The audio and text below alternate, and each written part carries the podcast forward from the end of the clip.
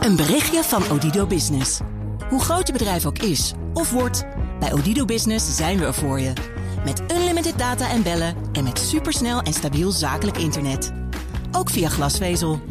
Ontdek wat er allemaal kan op odido.nl/slash business. Het kan ook zo. De BNR Techniek Tour wordt mede mogelijk gemaakt door OTIP. Binnenkort Wijtechniek. BNR Nieuwsradio. De Techniek Tour. Carlijn Meinders. Drones. Je kunt er een hoop leuke dingen mee doen, maar in crisistijd spelen ze een serieuzere rol. Ze kunnen ingezet worden voor surveilleren, het afleveren van medicijnen of voor communicatie in situaties waarbij mensen dit zelf niet kunnen doen. Sommige drones kunnen net een beetje meer en werken bijvoorbeeld voor het leger op zee, wekken zelf stroom op of vliegen zelfs op waterstof. Over die drie technische hoogstandjes gaan we het vandaag hebben. We beginnen bij Marijn van der Ruit van het bedrijf HiEye. Daar produceren ze een kleine onbemande helikopter. Ik zie hem op de achtergrond staan terwijl Van der Ruit met me skypt vanuit zijn werkplek. Knalgeel, futuristisch en gestroomlijnd en toch nog behoorlijk groot. Uh, hij is ongeveer 1,8 meter lang, dus uh, een kleine 2 meter lang is hij. En uh, hij weegt voor je gevoel ongeveer 25 kilo. En waar wordt hij voor gebruikt? Je zou kunnen zeggen, we richten ons op de sectoren waarbij het heel handig is om een helikopter te hebben. En dat zijn hele uiteenlopende dingetjes die niks met elkaar te maken hebben. Maar denk bijvoorbeeld uh, operaties vanaf een marineschip. Waarom is ja. het zo handig om, om zoiets als dit te hebben en niet een andere vorm, drone bijvoorbeeld? Uh, het grote verschil is dat hij niet elektrisch is aangedreven. En dat klinkt op zich saai, maar het verschil daardoor is eigenlijk dat, uh, net zoals met een elektrische auto en een benzineauto, dat een benzineauto veel verder kan En deze kan dus ook veel langer en veel verder vliegen. Deze vliegt 4,5 uur aan één stuk op één tank. En daarna hoef je hem ook alleen te tanken en dan ga je weer door. En dat is een groot verschil met de elektrische sector. Straks bespreken we de duurzaamheid daarvan nog. Maar eerst wil ik meer weten over waar de helikopter, genaamd de Airboxer, allemaal toe in staat is. Een tijd geleden hebben we er eentje afgeleverd in de Poolcirkel. En uh, dat is dan aan een, uh, ook echt aan een bedrijf wat geleid wordt door Inuit. En uh, die daar dan vergaande onderzoeken mee doen naar uh, migratiepatronen van ijsberen en ja, eigenlijk andere wildleven daar, narwhals. ja, het is iets totaal anders, zullen we zeggen. Maar ja. het is voor hun heel handig. Want uh, hij gaat dan in een kist achterop zo'n skidoe met een berenvel eroverheen. En uh, het is een heel handig ding. Je hebt geen startbaan nodig en je kan er uren mee vliegen, heel ver mee komen. Nou, daar, uh, dat is typisch zo'n niche waar die precies in past. Even voor mijn duidelijkheid. Gebruiken ze hem om eten te zoeken of om natuurbescherming voor elkaar het is krijgen? Natuurbescherming. Het is natuurbescherming. Oké, okay, heel goed, heel nee. goed. Dat zijn al twee heel uiteenlopende voorbeelden. Zijn er nog meer? Ja, het is iets heel anders, maar het lijkt erop. Is bijvoorbeeld dat uh, we hebben een niche in de tonijnvisindustrie. Wat niet bijzonder klinkt, maar eigenlijk is het heel simpel. Een, een tonijnvis, uh, vis, ja, schip, zo'n schip, zullen we zeggen, die um, heeft een helikopter altijd aan boord en die vliegt altijd een heel eind vooruit en die zoekt eigenlijk vogels. En als er een paar vogels bij elkaar zitten, dan zal daar wel vis zitten. En dan varen ze daar naartoe. En gezien de omzet die ze draaien, dat loont zich dus om echt zo'n helikopter aan boord te hebben. Dus het is gigantisch. En, um, en daar zijn dit soort helikopters eigenlijk goedkoper voor. Dat is eigenlijk een beetje het doel. Dit is niet iets wat de gemiddelde burger, denk ik, als speeltje kan aanschaffen. Hè? Dit, is, dit zou best nee. wel een investering zijn. Het is helaas een redelijke investering, ja. ja het ja. is, uh, voor, voor je gevoel is het goedkoper dan een echte helikopter, maar het begint wel in die categorie te liggen. Verkopen jullie hem ook commercieel of is hij echt alleen maar op deze manier voor bedrijven beschikbaar? Het is tot nu toe, moet ik zeggen, um, meestal aan overheden gekoppeld. Ja, ja dus um, dat wil niet zeggen dat het altijd militair is, maar het zijn gewoon wel grote investeringen. Um, dus, uh, dus daar eindig je dan toch wel vaak bij, bij overheidsgerelateerde sectoren, ja. Krijgen jullie ook wel eens verzoeken van landen waarvan je denkt, nou, dat gaan we maar even niet doen? Ja, zeker. Zeker, oh, absoluut. We hebben hele grappige gehad. Als in een aanvraag uit Colombia of die minimaal 30 kilo kan tillen. Hij moet wel heel laag kunnen vliegen. En hij moet ook lange afstand in ravijnen kunnen vliegen. Hij hoeft maar één kant op. Nou, dat hebben we serieus als aanvraag gehad. Ja, precies. Dus die heb je Ik zeker neem aan wel. dat ja. het antwoord nee was. Nee, precies. Nee. Nou ja, en uiteraard is dit ook techniek die altijd. eh, Dat is ook zo. Je hebt hier gewoon een exportvergunning voor nodig. Die zou je dus ook nooit krijgen, al zou dat willen. Dus, ehm, maar je krijgt zeker wel eens rare aanvragen, ja, absoluut. We hoorden het van de Ruit al even noemen. Het ding is niet goedkoop. Dan moet het haast ook wel zo zijn dat hij niet zomaar even in elkaar kan worden gezet. Is dat inderdaad zo? Poeh, nou, we zijn er al heel veel jaren mee bezig. Dus ik kan, eh, kan zeker zeggen dat we het eh, zelf ook als erg ingewikkeld hebben, hebben ervaren. Ehm, Ja.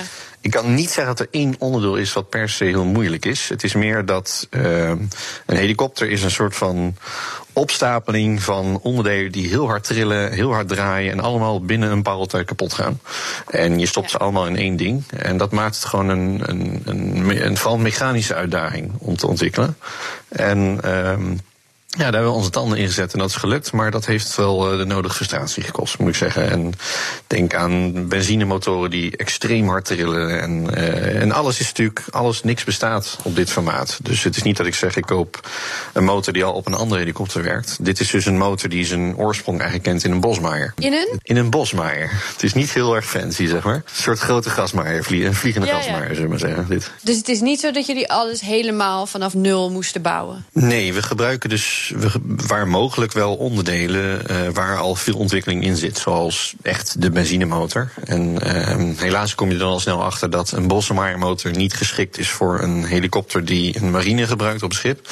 Dus eh, je bent volgens gedwongen om alsnog een paar jaar ontwikkeling erin te zetten om van dat motortje een echte aandrijving te maken voor een, ja, een high-class drone, zullen we zeggen. Ehm, en daar hebben we ook hier ook enorme testfaciliteiten, meerdere testbanken en ruimtes. eh, om dat soort dingen eigenlijk door de uren heen te draaien en keer op keer te slopen. Ja. En ik neem aan dat je dan ook nooit echt klaar bent. Want er kan altijd nog wel iets beter. Dat is eigenlijk natuurlijk dat elke engineer dat denk ik altijd zo ziet. Het ding is nooit af. Dat is ook altijd een beetje de valkuil natuurlijk. Dus wat mij betreft is hij nooit af. Eh, maar wordt wel steeds beter. Ja. Dat- Wat is nog zo'n dingetje waarvan je denkt: oh, die, eh, als ik die voor elkaar krijg, als we dat voor elkaar krijgen, dan, dan is die echt bijna perfect? Jeetje, dat is, nou, ik kan, kan er heel veel noemen. Maar ehm, het zijn denk ik dingen dat. ehm, sowieso zou ik het liefst willen dat hij op ehm, militaire brandstoffen loopt. Dat klinkt saai, maar dat is voor ons gewoon wel een heel belangrijk ding. Dat kan hij op het moment niet en dat is lastig. En tegelijkertijd, ik zou het liefst hebben dat hij nog slimmer is. Hij is. Mensen zien een drone vaak als een robot, maar dat is die eigenlijk niet. Het is een automatisch opererend apparaat. Dat wil niet zeggen dat hij zelfdenkend is. En eh, het zou voor ons interessant zijn als hij eigenlijk slimmer wordt. Ja, want wat kan hij nu al zelf en wat zou je graag willen dat hij nog zou kunnen? In principe vliegt hij nu eigenlijk, eh, zo verkopen wij hem ook altijd, als dit is gewoon een helikopter. Dus als een fabrikant hem koopt of een, een klant hem koopt, dan heb je het echt over een helikopter. En er is dus ook een bemanning, die staat alleen op de grond. Dus er is gewoon een cockpit. Alleen die cockpit zit niet aan boord van het ding. En ehm, verder opereren ze hem wel als een helikopter. En dat wil zeggen dat ze ook vrij hoog opgeleid ervoor moeten zijn. En ehm, als het ding slimmer zou zijn, zou je wel zeker zeggen van... god, ik wil van A naar B en ik duw op een knop en dan doet hij dat. Dat kan die ook wel. Alleen je moet wel goed opgeleid zijn om dat nu in te kunnen stellen, zullen we maar zeggen. En te kunnen managen. En ehm, dat zou voor ons interessant zijn als dat automatisch wordt. Ja. Het bouwen is dus niet makkelijk. Maar hij moet ook nog eens behoorlijk geavanceerde technologie aan boord hebben. Bijvoorbeeld om te corrigeren voor de weersomstandigheden. Nou is Van der van oorsprong piloot. Is het moeilijker of makkelijker om met een kleine versie van een helikopter te vliegen? Ik vind het eh, minstens net zo uitdagend. De- de- deze, gaat, eh, deze helikopter vliegt heel ver. Kijk, eh, denk aan. ehm, we vliegen zeker 50 kilometer vanaf de startlocatie weg met dat ding. Ehm. Dus ehm, het kan soms ook wel zijn dat, je zo, dat hij zodanig ver weg is dat het nog meer dan een half uur duurt om hem terug te halen, überhaupt. En Ja. Ehm, dat is een, een dimensie waar je een beetje mee moet gaan rekenen als, als piloot ervoor. En uh, tussen hier en 50 kilometer verderop kan je ook door drie onweersbuien heen vliegen. En, en dat maakt het, uh, maakt het lastig. Vooral ook om dat door te hebben en ook te maken dat het apparaat er tegen kan. En zeker ook omdat daar wel techniek voor bestaat, maar dat is allemaal voor grote helikopters, niet voor dit soort formaten. Ze hebben het zichzelf niet makkelijk gemaakt. De helikopter heeft ook een echte autopilot. Dat maakt het mogelijk om hem bijvoorbeeld mee te nemen op een schip dat illegale vissersboten opspoort. De kapitein geeft interessante coördinaten door, die tik je in en hop, daar gaat hij. Met de camera die aan boord zit kun je meekijken of er op die plek ook echt iets aan de hand is. Bij High Eye werken mensen uit allerlei sectoren.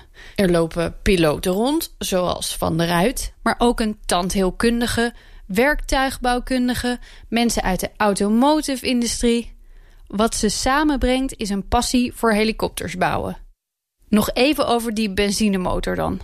Zou dat niet nog iets zijn om te verbeteren? Want duurzaam is dat natuurlijk niet. We vervangen in veel operaties een bemande helikopter. En dan verbruikt deze dus ongeveer 1 liter per uur.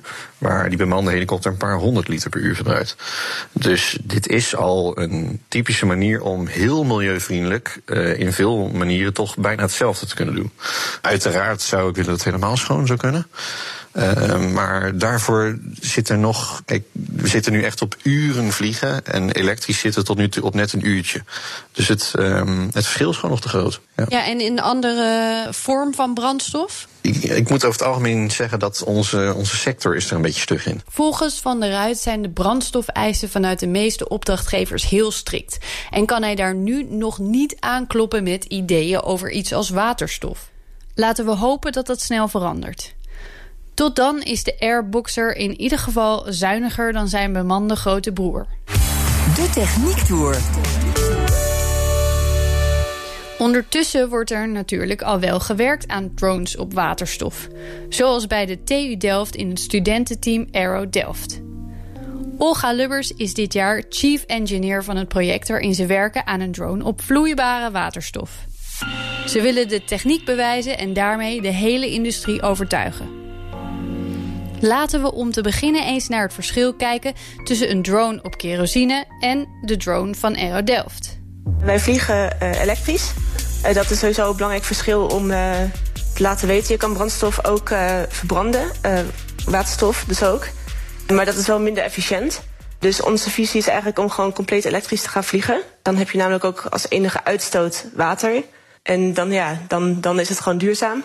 En uh, wat betreft echt verschil in de performance. Uh, waterstof is ook drie keer lichter als stof dan kerosine. Het is wel uh, meer volume. Dus echt de, de vliegtuigontwerpen moet je eigenlijk in gaan omdenken. Daarom denken we ook dat als je dit echt efficiënt wil neerzetten op de markt... in, laat zeggen, 2050, als je nieuwe vliegtuigen op lange afstanden gaat bouwen... dan ja, moeten we ook gaan kijken naar nieuwe vormen... en echt omdenken van de indeling van het vliegtuig. Lubbers benadrukt dat vooral dat gewicht heel interessant is. Daardoor is het niet alleen qua uitstoot duurzamer, maar ook nog eens veel efficiënter.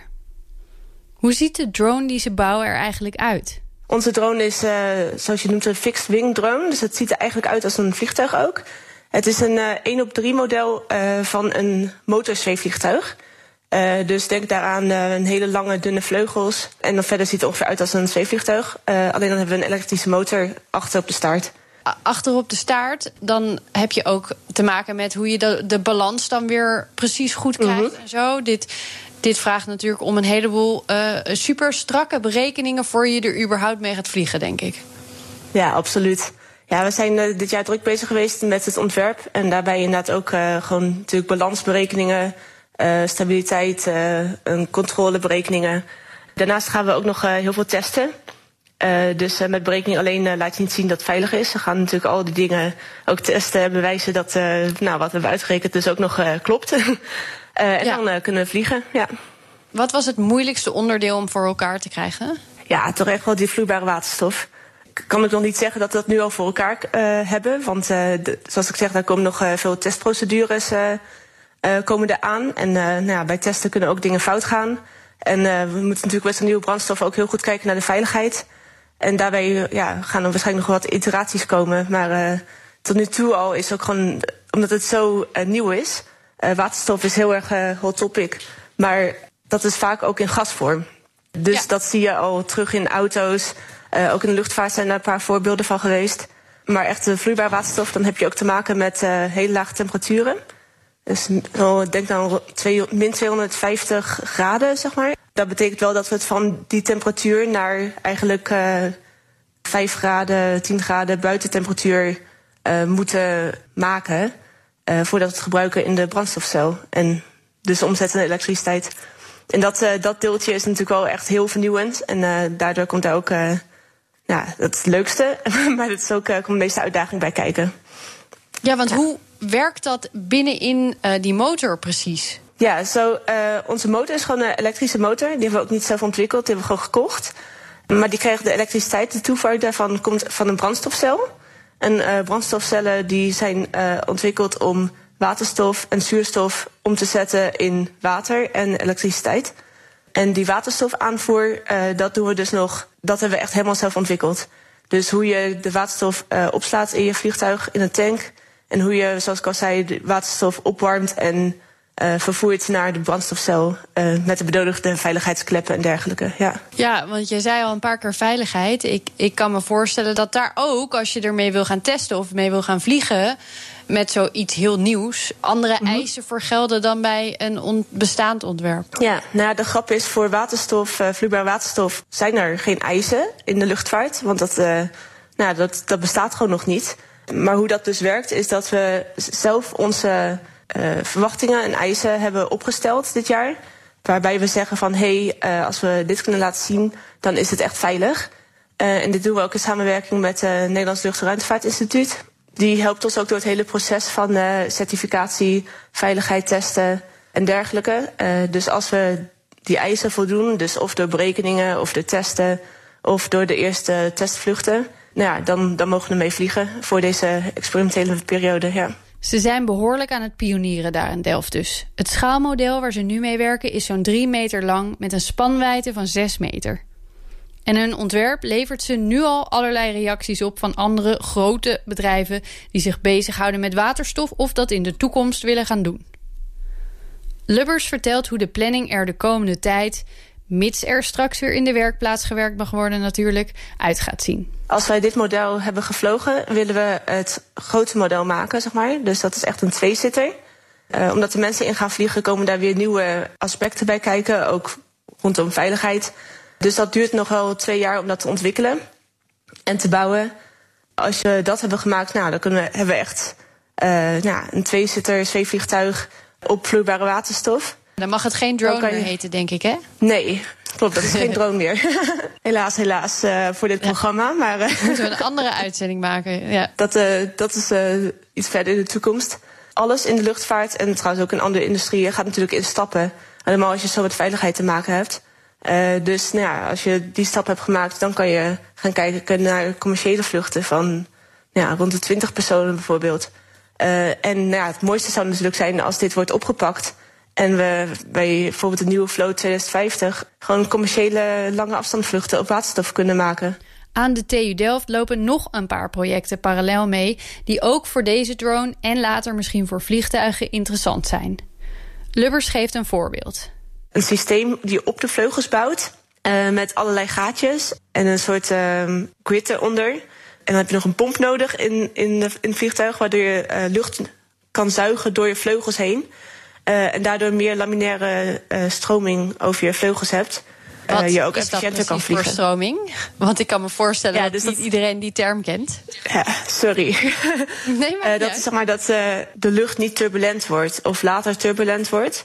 In theorie zou je dan tot 95% van de vleugel de lucht eigenlijk nou, gewoon netjes langs de vleugel kunnen laten stromen omdat je dus een deel naar binnen zuigt. En daardoor heb je veel minder weerstand. Zo wordt het toestel dus nog wat efficiënter. Nou sprak Lubbers al over een planning van jaren. Maar als student doe je maar één jaar mee met het project. En dan geef je het stokje door aan het volgende team.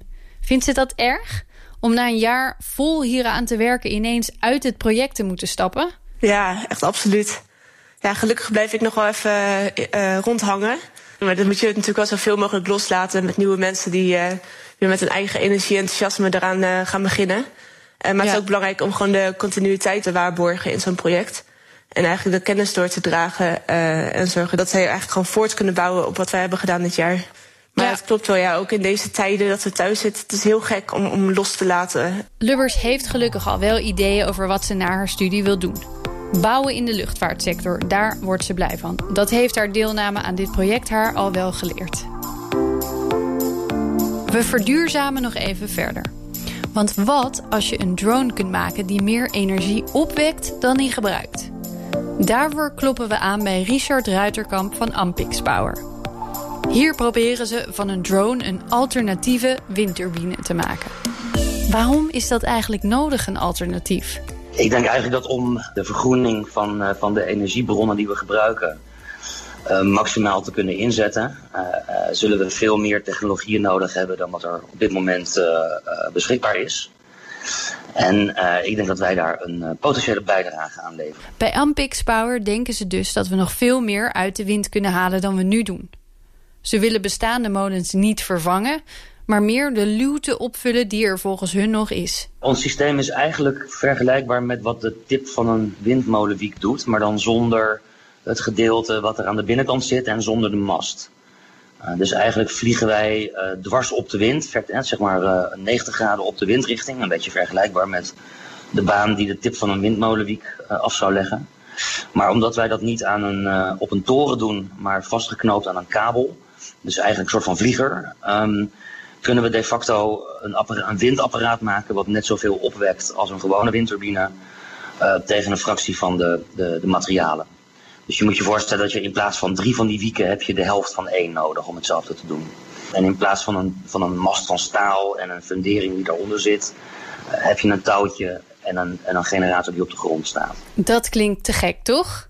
Niet per se deze Skype-verbinding. Het is allemaal schipperen in deze thuiswerktijd. Maar het verhaal wel. De fundering voor iets als dit krijgt met hele andere krachten te maken dan een windmolen. Bij een windturbine is er weerstand via de bladen en de mast. Maar bij een vlieger aan een touw heb je onderaan alleen te maken met schuifkracht. En daar heb je een fundering met veel minder materiaal voor nodig. Dat is een van de grote voordelen. Hoe wekt die vlieger nou precies energie op? We hebben een, um, een apparaat wat aan een touwtje zit en wat heel hard vliegt. En omdat dat een vleugel is, levert hij ook daardoor veel liftkracht op. Die liftkracht die wordt omgezet in kabelspanning in het touwtje. En dat touwtje ligt op de grond uh, opgerold op een klos. Dus aan, door aan dat touwtje te trekken gaat die klos gaat ronddraaien. Dus die trommel die gaat ronddraaien. Nou ja, dan hou ik daar een, een, een generator tegenaan en dan heb je stroom. Nou, en op een gegeven moment is natuurlijk dat touwtje op en dan moet je het hele zaakje weer inrollen. En doordat dat vliegtuig een duikvlucht kan maken naar de grond, kan je dus de kracht waarmee dat gebeurt heel laag maken. En dan moet je dus dan moet je een beetje rekenen dat we zo'n beetje tussen de 2 en 5 procent van wat we aan energie opwekken, moeten we betalen om de machine weer op nul te zetten. Het maken van iets geheel nieuws levert aardig wat uitdagingen op. Oneindig veel berekeningen bijvoorbeeld. Passen en meten met wet en regelgeving en een lange testfase. Er staat bijna een prototype klaar met een spanwijdte van maar liefst 12 meter. Die gaat de eerste grondtesten op een startbaan van vliegveld Breda doen. Wil je weten hoe dat eruit gaat zien en wat er verder allemaal nog moet gebeuren... kijk dan even op de site voor wat linkjes. Volgende week mag ik weer even lekker dicht bij mijn gasten staan. We spreken namelijk af in een virtuele vergaderzaal... waar we de techniek achter VR bespreken. Tot die tijd vind je alle afleveringen van de Techniek Tour online en in de app. De BNR Techniek Tour wordt mede mogelijk gemaakt door Techniek Nederland. De makers van morgen. Een berichtje van Odido Business. Hoe groot je bedrijf ook is of wordt, bij Odido Business zijn we er voor je. Met unlimited data en bellen en met supersnel en stabiel zakelijk internet. Ook via glasvezel. Ontdek wat er allemaal kan op odido.nl/slash business. Het kan ook zo.